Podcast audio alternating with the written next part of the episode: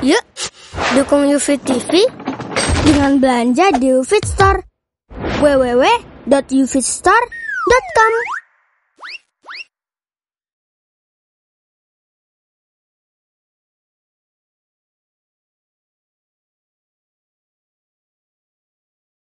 Assalamualaikum warahmatullahi wabarakatuh. Innal hamdalillah nahmaduhu wa nasta'inuhu wa nastaghfiruh ونعوذ بالله من شرور أنفسنا ومن سيئات أعمالنا. من يهده الله فلا مضل له ومن يضلل فلا هادي له. وأشهد أن لا إله إلا الله وحده لا شريك له. وأشهد أن محمدا عبده ورسوله. يا أيها الذين آمنوا اتقوا الله حق تقاته. Wal-tamu-tunna illa wa antum muslimun. Ya ayyuhan nasu taqu rabbakumul ladzi khalaqakum min nafsin wa khalaqa minha zawjaha wa batha minhuma rijalan katsiran wa nisaa'a. Wattaqullaha alladzi tasaaluna bihi wal arham. Innallaha يا أيها الذين آمنوا اتقوا الله وقولوا قولا سديدا. يصلح لكم أعمالكم ويغفر لكم ذنوبكم. ومن يطع الله ورسوله فقد فاز فوزا عظيما. أما بعد فإن أصدق الحديث كتاب الله وخير الهدى هدى محمد صلى الله عليه وآله وسلم وشر الأمور محدثاتها وكل محدثة بدعة wa kulla bid'atin dhalalah wa kulla dhalalatin finnar wa ba'du. Alhamdulillah ma'asyiral muslimin jamaah salat Jumat rahimakumullah. Alhamdulillah kita senantiasa memuji Allah Subhanahu wa taala, mengagungkan dan membesarkan nama-nama dan sifat-sifat kemahasempurnaannya. Segala puji bagi Allah Subhanahu wa taala atas nikmat Islam, nikmat iman, nikmat mengenal tauhid dan mengenal sunnah Rasulullah sallallahu alaihi wasallam yang semoga Allah Subhanahu wa taala senantiasa menjaga nikmat besar ini dalam diri kita. Kemudian selaku khatib pada kesempatan Jumat kali ini, kami menghimbau kepada jamaah sekalian, marilah kita selalu berusaha meningkatkan ketakwaan kepada Allah Subhanahu wa taala. Mengusahakan sebab-sebab yang menyempurnakan keimanan dan ketakwaan kita kepadanya selalu meminta keteguhan iman, meminta istiqamah di atas agama Allah Subhanahu wa taala karena ini merupakan sifat hamba hamba-hamba Allah Subhanahu wa taala yang beriman dengan benar dan merupakan ciri orang-orang yang selalu dijaga di atas kebaikan istiqamah sampai di akhir hayat mereka. Barakallahu fikum. Ma'asyiral muslimin rahimakumullah. Kita semua mengingat pelajaran penting yang telah kita kaji dalam pembahasan tauhid, dalam ceramah-ceramah yang disampaikan tentang pentingnya tauhid, tentang pentingnya istiqamah di atas tauhid dan menjauhi perbuatan syirik, dijadikan ah, nasihat yang sangat berharga yang disampaikan di dalam Al-Qur'an ketika Nabiullah Ibrahim alaihi salatu wasalam yang merupakan imamul hunafa, imam orang-orang yang selalu mentauhidkan Allah Subhanahu wa taala yang selalu membantah kesyirikan dengan argumentasi yang kuat. Bersamaan dengan itu beliau berdoa, wajnubni wabaniya an na'budal asnam. Ya Allah jauhkanlah diriku dan anak-anak keturunanku dari menyembah kepada berhala. Subhanallah, setelah Nabiullah Ibrahim alaihi salatu wasalam menunjukkan ketakutan yang sangat akan terjerumus ke dalam perbuatan syirik. Siapa yang merasa aman setelah itu? Ini pelajaran penting bagi orang-orang yang beriman. Bahwa pembahasan masalah tauhid adalah pembahasan yang paling penting dalam agama. Syirik adalah dosa yang paling dimurkai oleh Allah Subhanahu wa taala. Oleh karena itu pasti upaya syaitan untuk menjerumuskan manusia dalam perbuatan dosa ini juga paling besar. Harusnya ketakutan kita juga untuk menjauhi perbuatan dosa ini yang akan menjadikan kita rajin berdoa kepada Allah meminta perlindungan darinya, ketakutan kita juga harusnya paling besar.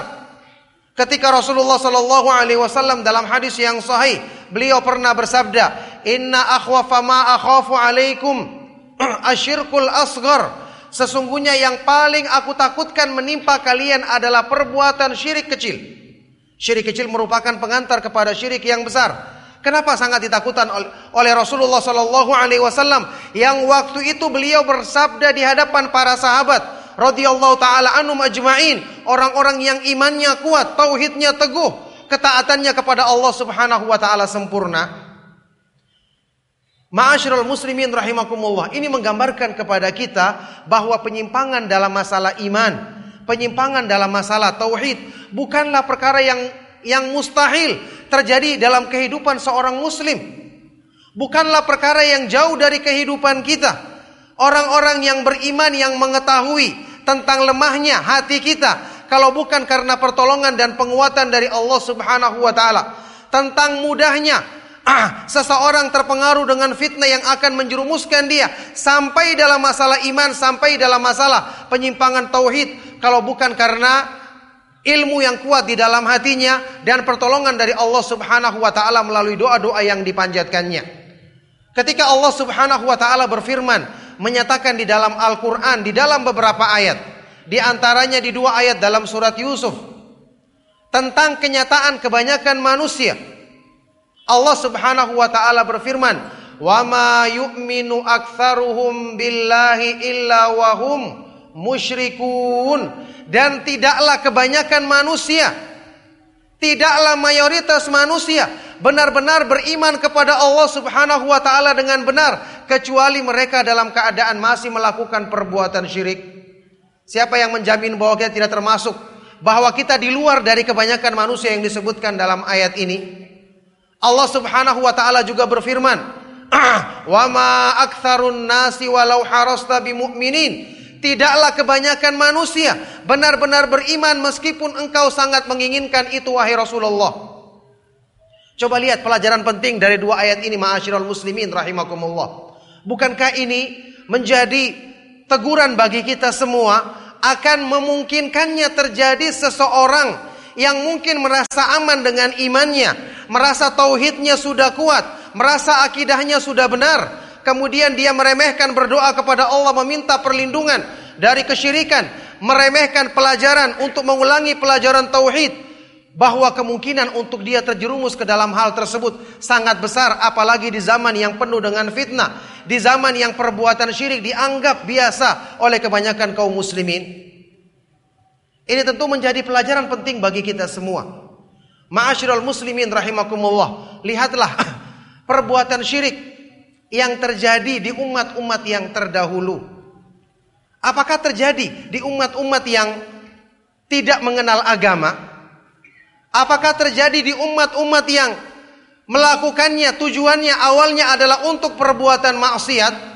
Bukankah perbuatan syirik yang terjadi di umat ini di umatnya Nabi Nuh alaihi salatu wasalam di umat manusia dia ini di umatnya Nabi Nuh alaihi salatu wasalam bermula dari mengagungkan orang-orang yang soleh. Menghukumnya mengagungkan orang-orang yang soleh kita ketahui adalah amal ibadah. Tapi syaitan pandai untuk masuk dari amalan yang kelihatannya baik. Bahkan asalnya disyariatkan untuk menjerumuskan manusia ke dalam perbuatan syirik. Bukankah di umat ini saat ini ada yang melakukan perbuatan syirik atas nama mengagungkan Rasulullah Sallallahu Alaihi Wasallam, tapi secara berlebihan? Apa hukumnya mencintai Rasulullah Sallallahu Alaihi Wasallam? Apa hukumnya mengagungkan Rasulullah Sallallahu Alaihi Wasallam? Bukankah wajib dalam Islam? Tapi bagaimana syaitan bisa masuk dari sisi yang hukum asalnya wajib untuk menjerumuskan manusia ke dalam perbuatan syirik? Naudzubillahi min dzalik. Oleh karena itulah ma'asyiral muslimin rahimakumullah. Perbuatan syirik itu adalah tipu daya syaitan yang kita ketahui sangat memahami tentang keadaan dan karakter masing-masing manusia untuk dia goda dari karakter tersebut. Sehingga siapa pun berpotensi untuk melakukannya. Tentu saja kecuali orang-orang yang dijaga oleh Allah Subhanahu wa taala. Perbuatan syirik kita ketahui bisa terjadi pada hal-hal yang kita lakukan dalam kehidupan kita sehari-hari. Harta, uang, emas, perak atau perhiasan yang kita miliki bisa menjadikan seorang hamba menjadikannya sembahan selain Allah. Mungkin asalnya dia mencintainya, memilikinya, boleh hukumnya. Lama kelamaan karena kecintaan kepada harta ini mendominasi hatinya, akhirnya mengalahkan kecintaan kepada Allah. Jadinya apa? Seperti yang disebutkan Rasulullah Shallallahu Alaihi Wasallam dalam hadis riwayat Bukhari dan Muslim. Ta'isa abdud dinar, ta'isa abdud dirham. Celakalah orang yang menjadi hamba uang emas, celakalah orang yang menjadi hamba uang perak. Ini tentu sudah sampai pada tingkatan penghambaan diri. Makanya dia dikatakan hamba. Berarti menjadikan hartanya sebagai sembahan selain Allah subhanahu wa ta'ala. Hawa nafsu yang kita perturutkan. Keinginan yang kita pelihara. Hobi yang mungkin kita lakukan. Bahkan pekerjaan kita. Hukum asalnya bisa jadi boleh. Ingat, bukan cuma perkara yang boleh yang tadi kita sebutkan. Perkara yang dianjurkan bahkan yang wajib bisa dibawa oleh syaitan untuk menjerumuskan manusia dalam dalam perbuatan syirik. Nauzubillah min dzalik. Hawa nafsu manusia bukankah disebutkan dalam Al-Qur'an? Afara'aita man ittakhadha ilahahu hawahu wa adallahu Allahu ala ilmin? Bagaimana pandanganmu dengan orang-orang yang menjadikan hawa nafsunya sebagai ilahnya, sembahannya selain Allah? Apa hukumnya? Syirik. Dan Allah satkan dia di atas ilmu. Jadi ma'asyiral muslimin rahimakumullah, tidak ada seorang pun yang merasa dirinya aman daripada perbuatan syirik. Dalam kehidupan kita sehari-hari kita melakukan perbuatan-perbuatan mengerjakan memenuhi keinginan-keinginan kita, maka tetaplah kita berdoa kepada Allah Subhanahu wa taala agar harta kita tidak menjadi fitnah. Fitnah yang ada di sekitar kita tidak mempengaruhi kita. Keinginan-keinginan kita tidak menjadi sebab kita dilalaikan karena kelalaian awalnya kecil, lama kelamaan menjadi besar. Sebuah faedah yang pernah diserangkan oleh Imam Ibnu Qayyim rahimahullah taala tentang firman Allah dalam surat Al-Munafikun. Kenapa di akhir ayat Allah Subhanahu wa taala di akhir ayat surat Al-Munafikun Allah mengingatkan tentang kelalaian harta, kelalaian manusia dengan anak-anaknya. Ya ayyuhalladzina amanu la tulhikum amwalukum wala auladukum an dzikrillah wa may yaf'al dzalika faulaika humul khasirun. Wahai orang-orang yang beriman janganlah kamu dilalaikan dengan hartamu dan anak-anakmu dari mengingat Allah. Barang siapa yang melakukan itu maka sungguh dialah orang-orang yang rugi. Apa hubungannya akhir ayat ini dengan awal ayat yang menjelaskan tentang sifatnya orang-orang yang munafik? Maka diterangkan oleh beliau Imam Ibnu Qayyim rahimahullah taala bahwa ternyata sifat kemunafikan yang tempatnya fidarkil asfali minan nar di kerak neraka yang paling bawah itu bisa jadi asalnya karena kelalaian terhadap harta, terhadap anak-anak kita, terhadap perkara-perkara dunia yang asalnya boleh, yang asalnya mubah, bisa jadi melalaikan manusia. Kalau apa? Kalau di hatinya tidak tertanam kecintaan yang kuat kepada Allah, tidak tertanam keyakinan yang kuat terhadap tauhid, kalau dia tidak punya doa-doa meminta perlindungan kepada Allah, maka inilah ma'asyiral muslimin rahimakumullah. Nasihat yang hendaknya kita renungkan bahwa pelajaran tauhid adalah pelajaran yang paling penting. Syirik adalah keburukan yang paling besar. Maka harusnya meminta perlindungan dari keburukan besar ini juga harus sering kita lakukan. Dan pelajaran untuk mengulang-ulangi, memantapkan tauhid di hati kita harus yang paling besar kita perhatikan bukan selesai dengan hanya sekedar menghatamkan kitab, sekali ceramah atau dua kali ceramah, tapi selalu harus menyertai diri kita karena ternyata inilah yang ditakutkan oleh orang-orang yang soleh dan ternyata inilah yang merupakan ciri dari orang-orang yang beriman dengan sebenar-benarnya kepada Allah Subhanahu wa taala. Semoga khutbah yang singkat ini bermanfaat menjadi pelajaran pelajaran dan peringatan bagi kita semua. Barakallahu li wa lakum fil Qur'anil azim. Wa nafa'ani wa iyyakum bima fihi minal ayati wa dzikril hakim. Wa nafa'ana bihadi sayyidil mursalin wa biqaulihil qawim. Aqulu qawli hadza wa astaghfirullah li wa lakum wa lisairil mu'minin. Fastaghfiruhu innahu huwal ghafurur rahim. Alhamdulillah. Alhamdulillahi ala ihsanih. Wa syukru lahu ala taufiqihi wa amtinanih واشهد ان لا اله الا الله وحده لا شريك له تعظيما لشانه واشهد ان محمدا عبده ورسوله الداعي الى رضوانه صلى الله عليه وعلى اله واصحابه واخوانه اما بعد معاشر رحمكم الله pembahasan mengenai tauhid bukanlah hanya terbatas pada penyembahan kepada berhala yang nampak yakni penyembahan kepada patung-patung atau pohon-pohon yang dikeramatkan, orang yang datang meminta-minta sujud kepada kuburan-kuburan yang dianggap sebagai kuburannya orang yang wali atau yang lainnya. Atau orang yang datang membawa sesajen ke pinggir-pinggir pantai, ke pinggir-pinggir sungai. Memang ini contoh nyata daripada perbuatan syirik besar. Tapi apakah pembahasan tauhid dan menjauhi syirik hanya terbatas pada peringatan tentang masalah ini? Jawabannya tidak. Tauhid tempatnya di hati. Maka siapa saja yang memenuhi hatinya dengan penguat-penguat iman, unsur-unsur yang mendukung tauhid, insya Allah keadaan apa pun akan menyelamatkan dia dari perbuatan syirik dengan izin Allah Subhanahu wa taala. Di hati kita ada tempat yang namanya cinta, takut, berharap, bersandar kepada Allah. Tempat inilah yang harus segera kita penuhi dengan keimanan yang benar. Harus dominan di dalam hati kita cinta kepada Allah, takut kepada Allah, pengharapan kepada Allah, bersandar kepada Allah. Kenapa disebutkan di dalam Al-Quran? Bahwasanya inti dari semua Al-Quran adalah firman Allah subhanahu wa ta'ala dalam surat Al-Fatihah. Iyaka na'budu wa iyaka nasta'in. Hanya kepada mula kami menyembah dan hanya kepada mula kami memohon pertolongan. Menyembah dan memohon pertolongan artinya bersandar kepada Allah, memurnikan penyandaran hati kepada Allah, menjadikan hati kita yakin bahwa tempat yang bahwa satu-satunya zat yang pantas untuk kita cintai lebih dari segalanya. Yang pantas untuk kita sandarkan pengharapan dan ketakutan kita hanya Allah Subhanahu wa taala. Inilah yang harus dijadikan keyakinan terkuat dalam diri kita.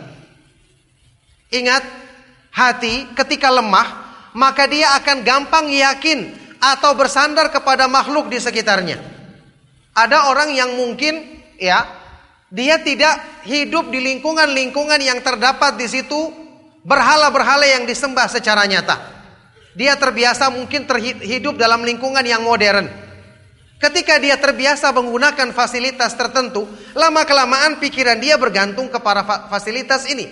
Dia lupa untuk menisbatkan segala keberhasilan usahanya kepada Allah. Dia menganggap fasilitas ini yang menentukan keberhasilannya. Bahkan ada orang yang bergantung kepada kecerdasannya, kemampuan dirinya. Ketika itu bibit kesyirikan masuk ke dalam dirinya tanpa dia sadari.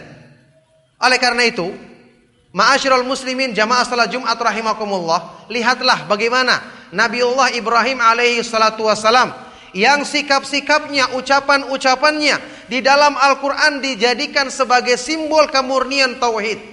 Ketika apa? Dia menjelaskan di depan kaumnya tentang lemahnya berhala-berhala yang disembah selain Allah karena mereka tidak punya kemampuan, tidak punya kekuatan, apalagi bisa mengabulkan permohonan dari orang-orang yang memohon kepada berhala-berhala tersebut. Nabi Ibrahim pernah berkata di depan kaumnya, "Qala hal yasma'unakum idh tad'un aw yanfa'unakum aw yadurrun?" Ibrahim alaihissalatu wassalam berkata kepada kaumnya, apakah berhala-berhala ini bisa mendengarkan ketika kamu menyerunya, menyeru dari jarak yang jauh di tempat yang kamu butuhkan pertolongan, kamu minta apakah dia bisa mendengarkan? Jawabannya tidak. Makhluk pendengarannya terbatas. Au yanfa'unakum au yadurrun atau apakah mereka bisa memberikan manfaat kepadamu atau bisa memberikan madarat? Jangankan untuk orang lain.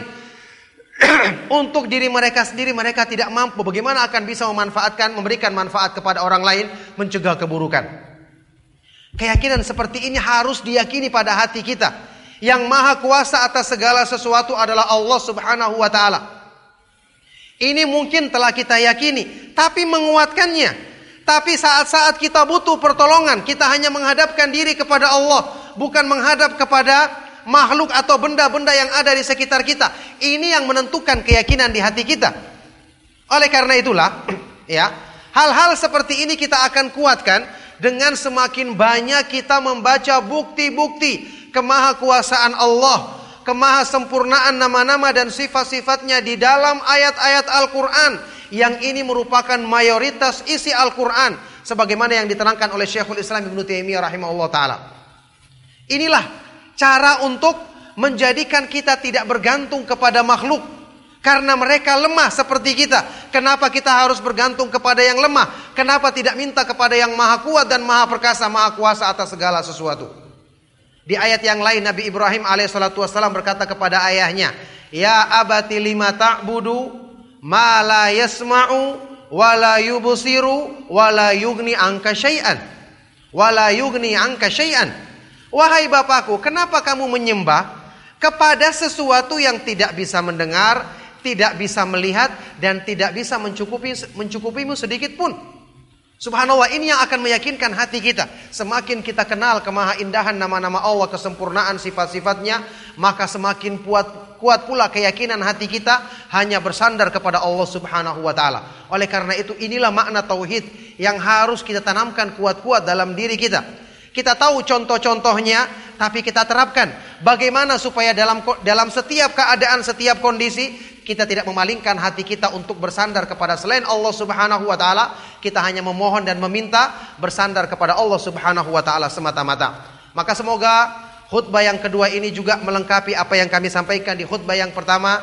Semoga Allah Subhanahu wa taala senantiasa menjaga kita dalam kebaikan, menjadikan kita istiqamah di atas Islam, di atas sunnah Rasulullah sallallahu alaihi wasallam, di atas tauhid. Selalu kita berdoa kepada Allah Subhanahu wa taala Allahumma inna na'udzubika min an nusyrika bika syai'an wa nahnu na'lam wa nastaghfiruka lima la na'lam. Kita berdoa kepada Allah Subhanahu wa taala semoga dijadikan kita semua mendapatkan husnul khatimah dan bertemu Allah Subhanahu wa taala dalam keadaan hati kita bersih, selamat, diisi dengan iman dan memurnikan tauhid kepadanya. Demikianlah kami cukupkan sallallahu wasallam wa barak ala nabiyina Muhammad wa ala alihi wa ashabihi wa man tabi'ahum bi ihsan ila yaumiddin. Walhamdulillahi rabbil alamin